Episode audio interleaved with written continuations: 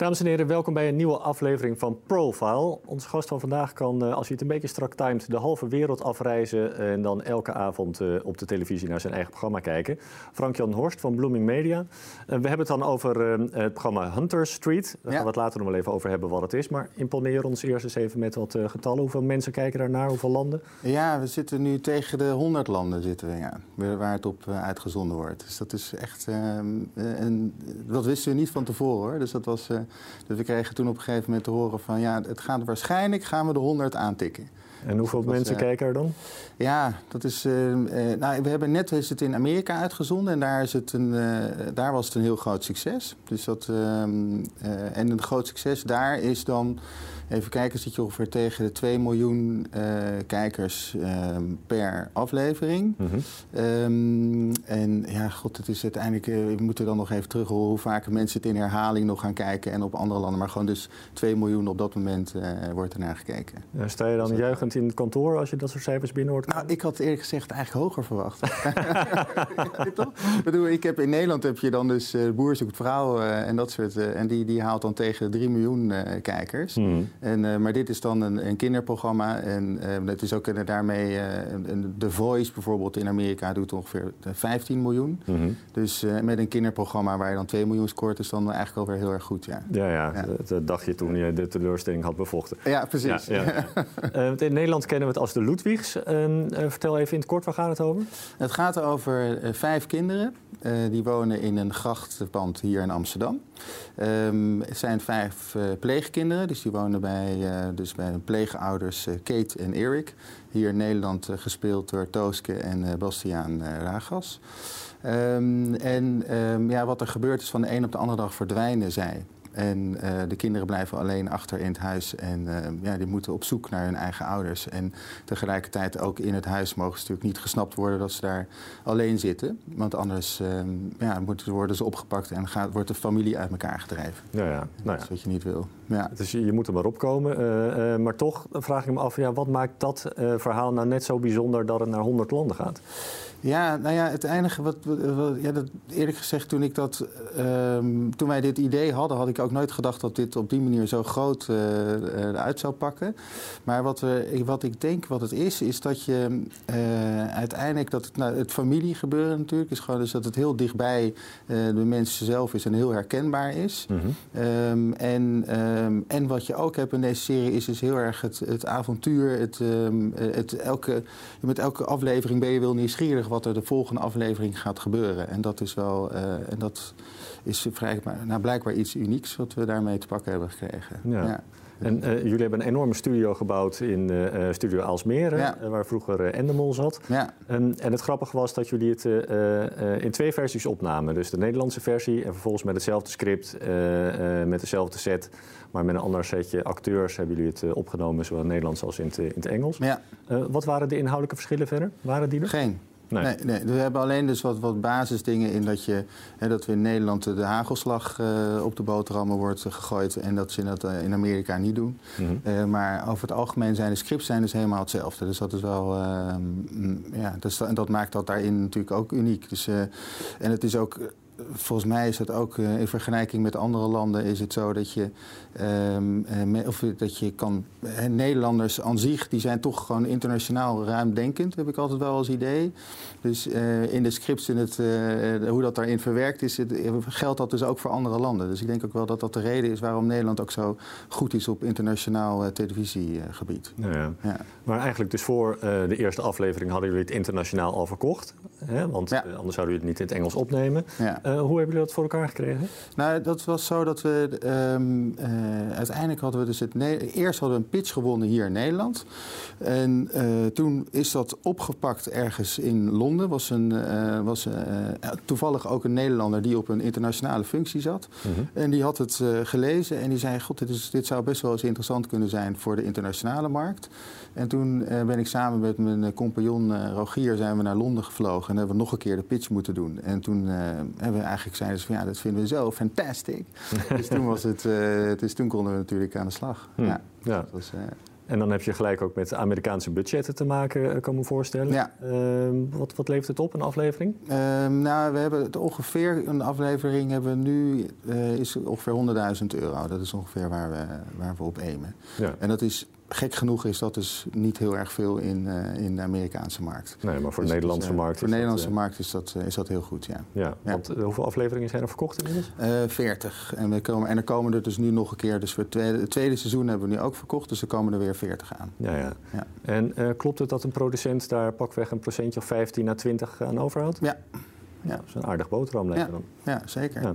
ja. het, is, het is nu wel zo, we hebben wel um, die ik moet even goed zeggen, want uiteindelijk hebben we wel ervoor gekozen om de eerste seizoen, dat we daar wel echt ook zelf wat op, uh, nou ja, op ingelegd. Dus gewoon dat we hebben bepaalde risico's genomen om ervoor te zorgen dat het gewoon helemaal goed is. En dat, je de, en dat we echt even de Nederlandse stempel ook internationaal op die manier uh, hebben gedrukt. En ook hebben echt kunnen laten zien dat we kwaliteit leveren. Dus daarin is de marge dus wel iets minder geworden dan die 15 tot 20 procent die je normaal pakt. -hmm. Maar uh, ja, gelukkig dus nu ook eh, pakt dat voor ons goed uit, omdat we een tweede seizoen uh, daarin kunnen maken. En, um, en dan zal je zien dat het wat beter gaat uh, verlopen. Ja. Want er zijn zoveel dingen waar we tegenaan zijn gelopen, natuurlijk met zo'n eerste productie. En met voor het eerst Amerikanen die overkomen. En, um, en de hele manier van filmen zijn wij, kijk wij Nederlanders, die zijn heel erg gewoon hands-on. Dus gewoon zorgen dat het, dus hup, meteen doen, de set op. En bij wijze van spreken, de, de, de, de, dus de stagiair die staat nog dingen te doen die die ook een andere een productieleider zou kunnen doen. Maar dat is natuurlijk in, in Amerikaanse begrippen is dat, uh, is dat wel wat anders. Ja, ja. Dus dat. Uh, nou ja. En, en dan wordt de distributie gedaan door Nickelodeon, hè, want daar is het op te, op te zien. Uh, betekent dat nou ook dat als er nog twintig landen bij komen, dat dat financieel voor jullie echt niet zo gek veel uitmaakt? Hebben jullie gewoon één zo'n deal met, uh, met de zender? Uh, ja, we hebben één zo'n deal met de zender. En we hebben wel, maar we hebben natuurlijk wel een, een, een zogeheten backend. Uh, dus, dat we, dus we gaan wel profiteren als het, uh, als het een heel groot succes gaat worden in andere landen. Ja. Ja. 100 landen, een kinderprogramma, dat denk ik gelijk aan dekbed overtrekken, brooddozen, ja. dat soort ellende. Ja, ja. Zijn jullie daar mee bezig? Um, nee, want dat is ook iets dat we daar. Dat is een hele moeilijke markt. Dat is echt wel iets waar je, waar je niet zomaar tussen komt. Dus ik hoor het ook. We hebben ook heel vaak hebben ook met de gesprekken met onze, met de creatieven, met de partijen, hè, dus de, uh, met, wie, uh, dit, met wie we dit mede hebben uh, opgezet, dan heb je altijd het idee dat je dat het merchandise dat dat de grote cash cow is. Ja, denk ik ook. En dat is. Um, als je het echt als je het uh, heel goed doet, dan kan dat een cashcow zijn. Maar over het algemeen zijn er ook twee, anders zijn er twee verschillen. Is één is dat animatie doet het eigenlijk altijd beter op merchandise. Mm -hmm. dus de SpongeBob uh, van deze wereld, die, uh, dat is natuurlijk gewoon voor Nickelodeon is dat nog steeds is dat gewoon hun grootste inkomen. Ja, ja. En, um, maar dit is dus zoals dat heet live action, dus gewoon met echte acteurs. En over het algemeen is daar meestal wat, wat minder merchandise van. Hm. Dus, dus ik, we hadden, onze verwachtingen zijn daar daarop niet zo heel erg hoog. Ja, ja. Dus, uh, nee. ja. daarentegen hebben we een ander property, die we, dus een ander programma die we maken. En dat, is, uh, dat heet Juf Roos.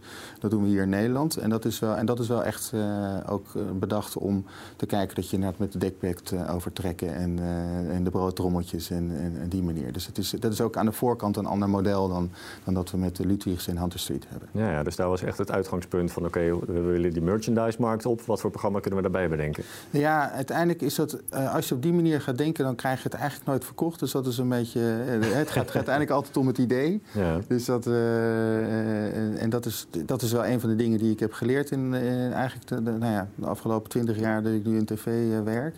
Dus dat is als je echt gaat bedenken om ervoor te zorgen dat er dus ergens een succes van gemaakt wordt op merchandise gebied of op weet ik veel wat, dan is het eigenlijk nooit een succes geworden. Hm. Dus je moet er altijd voor zorgen dat het idee goed is. En dan ga je daarna kan je wel weer de uitrol doen van oké, okay, en hoe gaan we dat dan verder invulling geven qua businessmodel. Ja, ja. ja.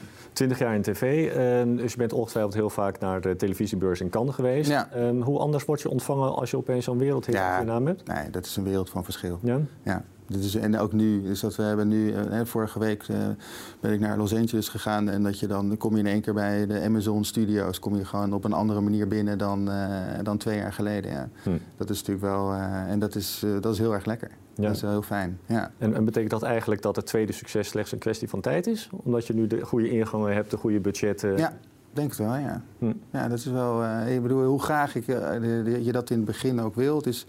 Um, uh, ja, je moet het gewoon stapsgewijs moet je dat doen. En dat, is, en dat past eigenlijk helemaal niet bij mijn karakter. Want ik ben altijd iemand die heel graag en heel erg wil. En gewoon dus en maar doorgaan en maar doorgaan. Maar dan, en dus in dit geval moest ik even een stapje terug doen. Maar het, is, um, het, het, heeft inderdaad gewoon tijd nodig. Dat is hm. één ding wat zeker is. Ja, ja, maar het is ook niet meer dan een kwestie van tijd. En dan eigenlijk is het volgende succes gegarandeerd, min of meer. Uh, ja, dat, uh, ja, ik hoop het. ja. ja. Uh, nog wel een opmerkelijk stap. Ja, wij wonen bij, bij elkaar in hetzelfde dorp. en ik heb nog wel eens achter jouw hond aangerend... omdat het een beest is dat totaal niet luistert. afgelopen jaar hebben jullie de in tv-land welbekende Willem Zeilstra binnengehaald. niet alleen als aandeelhouder, maar gelijk als, ook als CEO. Heeft dat te maken uh, met het gebrek aan leiderschap dat we ook in jouw hond zien?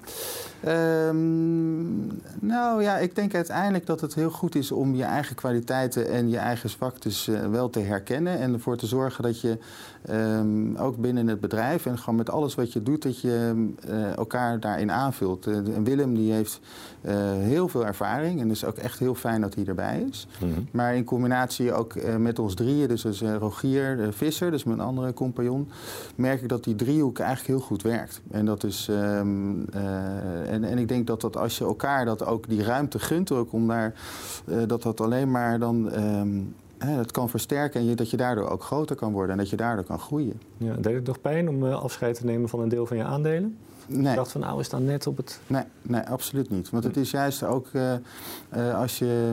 Uh, ik zou het dus ook alleen doen, of ik heb het ook alleen gedaan... omdat je gewoon weet dat je daardoor grotere sprongen kan maken. Ja, ja. En um, ja, God, het is plus dat het ook gewoon hartstikke leuk is. En het, het veel leuker is om met z'n drieën in het vliegtuig naar Los Angeles te gaan... dan dat je in je eentje daar zit. Dus dat is natuurlijk ook nog een verschil.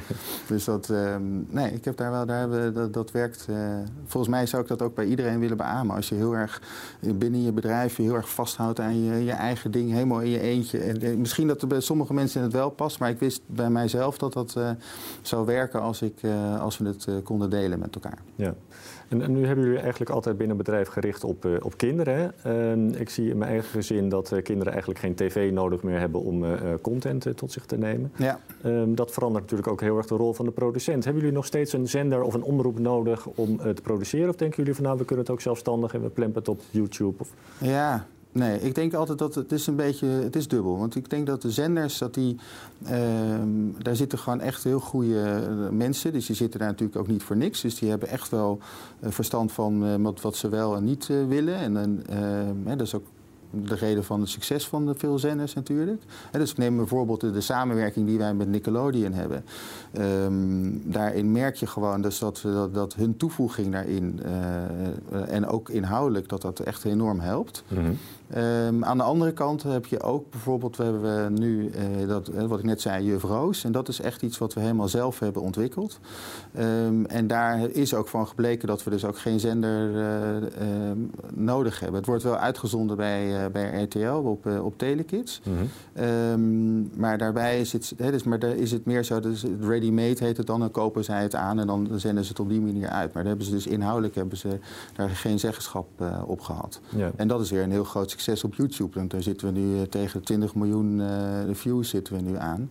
Um, en een derde seizoen wat we nu weer gaan maken. Ja, en even voor, uh, voor de kijkers idee, dat zijn eigenlijk kinderliedjes uh, in een modern jasje, klopt ja, ja, ja, klopt. Ja. Dus dat is uh, kinderliedjes in een modern jasje en tegelijkertijd ook een, met een kort verhaaltje erbij. Hm. Dus, um, en wat we daarmee als doel hadden, was dus dat we eigenlijk merkten dat het in combinatie met je ouders samen zingen, hè, dus een beetje, dat was een beetje een split waar we in zaten. Dus dat je met je, eigenlijk je ouders, dat je even geeft maar die iPad en dan kunnen ze lekker even zelf hun eigen ding doen. Maar dit, dit was eigenlijk meer bedachten ook om uh, wel dat het kindje kan natuurlijk ook zelf kijken, maar het is ook leuk om samen met je ouders dan uh, daarnaar te kijken en samen een liedje te zingen. Ja. Dus daarmee hebben we ook de oude uh, twee emmertjes water halen en beren, een bordje en dat soort, dat soort liedjes. en dus die, die, her, die, is dus heel herkenbaar voor de, voor de ouder en, en het is ook leuk om samen te zingen. Ja, ja. Kindje. Ja. ja. Maar het is dus eigenlijk de toegevoegde waarde van de zender dat ervoor zorgt dat jullie in zijn algemeenheid toch het liefst produceren in opdracht slash overleg Nou, nee, ja, dat is dus, al heb ik dan denk ik verkeerd uitgelegd. Maar ik denk dus dat het, het is per project is het verschillend. Hm. Dus zo'n groot project als wat we nu met Nickelodeon hebben gedaan met Ludwigs en Hunter Street, is het heel goed dat we dat in combinatie met hun hebben gedaan. Dan zie je ook dat dat, uh, uh, ook hun ervaringen die ze hebben, dat dat, uh, dat, dat heel goed werkt. Um, maar voor, dus, voor Juf Roos is het dus ook wel weer zo dat we echt hebben, dat, dat hebben we dus helemaal zelf gedaan. Ja, ja. En, um, ja, en dat werkt dus ook. Dus er is, helaas is daar dus niet het, uh, het, het, het uh, juiste of uh, antwoord op van wat, wat, nou werkt of niet werkt. Ja. ja. Je hebt eigenlijk altijd een beetje in de commerciële hoek gezeten hè, van de tv. je laatste baan was branded content manager, geloof ja. ik, hè, bij, bij Endemol. Ja. hoe ben je dan opeens in dat creatieve gerold? Ja, um, ja, dat creatieve is ook iets wat ik uh, altijd heel erg heb geambieerd. Dus, dus dat je die, uh, ik vind het altijd, ik kan ook echt altijd heel erg met plezier kijken naar, uh, naar creatieven. Ook dus regisseurs en schrijvers met, met nieuwe ideeën waarmee ze komen. En, um, ja, en gek genoeg is dat toen, toen ik commerciële baan had ook. En dus, hè, dus dat je uh, voor Unilever met Ola een heel nieuw een ijsjesplatform aan het bouwen bent, dan ben je niet alleen maar ook die ijsjes aan het verkopen, maar ben je ook aan het nadenken van nou, hoe kunnen we dat zo goed mogelijk doen. Dus dan ben je ook je, je creatieve, mijn creatieve vaardigheden, kan ik daar dan in kwijt. Ja. En, um, en dat vind ik ook eigenlijk het leukste van het werk wat ik doe, is dat je dat beide kan doen. Dus dat je creatief, dus creatief en commercieel, dat is, dat is eigenlijk ideaal. En zo'n klant als Unilever die uh, Ola-ijsjes wilde verkopen, zorgde jij er dan ook voor dat ze bijvoorbeeld in GTST allemaal een, een tanden in zo'n ijsje zetten? Ja. Wat kost dat dan? Ja, dat was toen volgens mij, uh, zo, nee, dat is alweer tien jaar geleden dat ik dat deed. Dus ik, ik moet even nadenken. Volgens mij wat zou het zijn, 50.000 euro of zo. Maar dan hangt het ook weer vanaf van een heel pakket met een billboard erbij. En, en zoveel uh, nog op, uh, op de website. En uh, dan heb je een heel pakket wat je dan altijd erbij krijgt. Ja, ja, en dat soort bedragen moet je wel een beetje aan denken. Ja. ja, ja een, een, een, jaar of twee geleden stond je met een groot verhaal in het tijdschrift Quote. Ehm, en toen vertelde je dat je heel erg graag een programma wilde gaan maken voor de publieke omroep. Ja. En open sollicitatie. Heeft dat nog tot iets geleid? Nee. nee. nee. Hoe kan dat? Ja, Um, ja, ik denk ook de focus. Dat wij de laatste tijd dus heel erg gefocust zijn geweest ook op, uh, op, deze op de internationale markt. Dus dat we ook wel dat we even hand in eigen boezem te weinig met, uh, met NPO hebben gezeten. Um, dus, we, ik, dus ik wil nog absoluut niet uitsluiten dat dat uh, nog gaat gebeuren. Dus dat, uh, en ik vind ook dat zij goede programma's hebben. Ik vind ook daar zit ook een goede, goed programmamanagement die, uh, die weet wat ze willen en wat ze willen maken.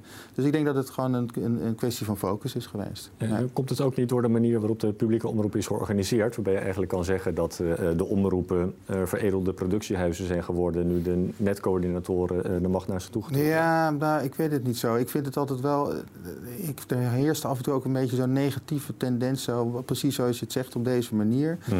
Maar ik denk dat daar zou ongetwijfeld een reden voor zijn. En ik vind dat ze gewoon hele goede programma's maken. En dus moet je um, dus ook beter je best doen als je als producent daar dus binnen wil komen. En dat je dus, uh, ik denk eerlijk gezegd dat het, als je gewoon een heel goed idee hebt, dat, je, dat het echt wel lukt om dat uh, met, uh, met de NPO te maken. Maar als je naar de hele organisatie van de NPO kijkt, ben je het dan niet met me eens dat die omroepen eigenlijk helemaal geen functie meer hebben?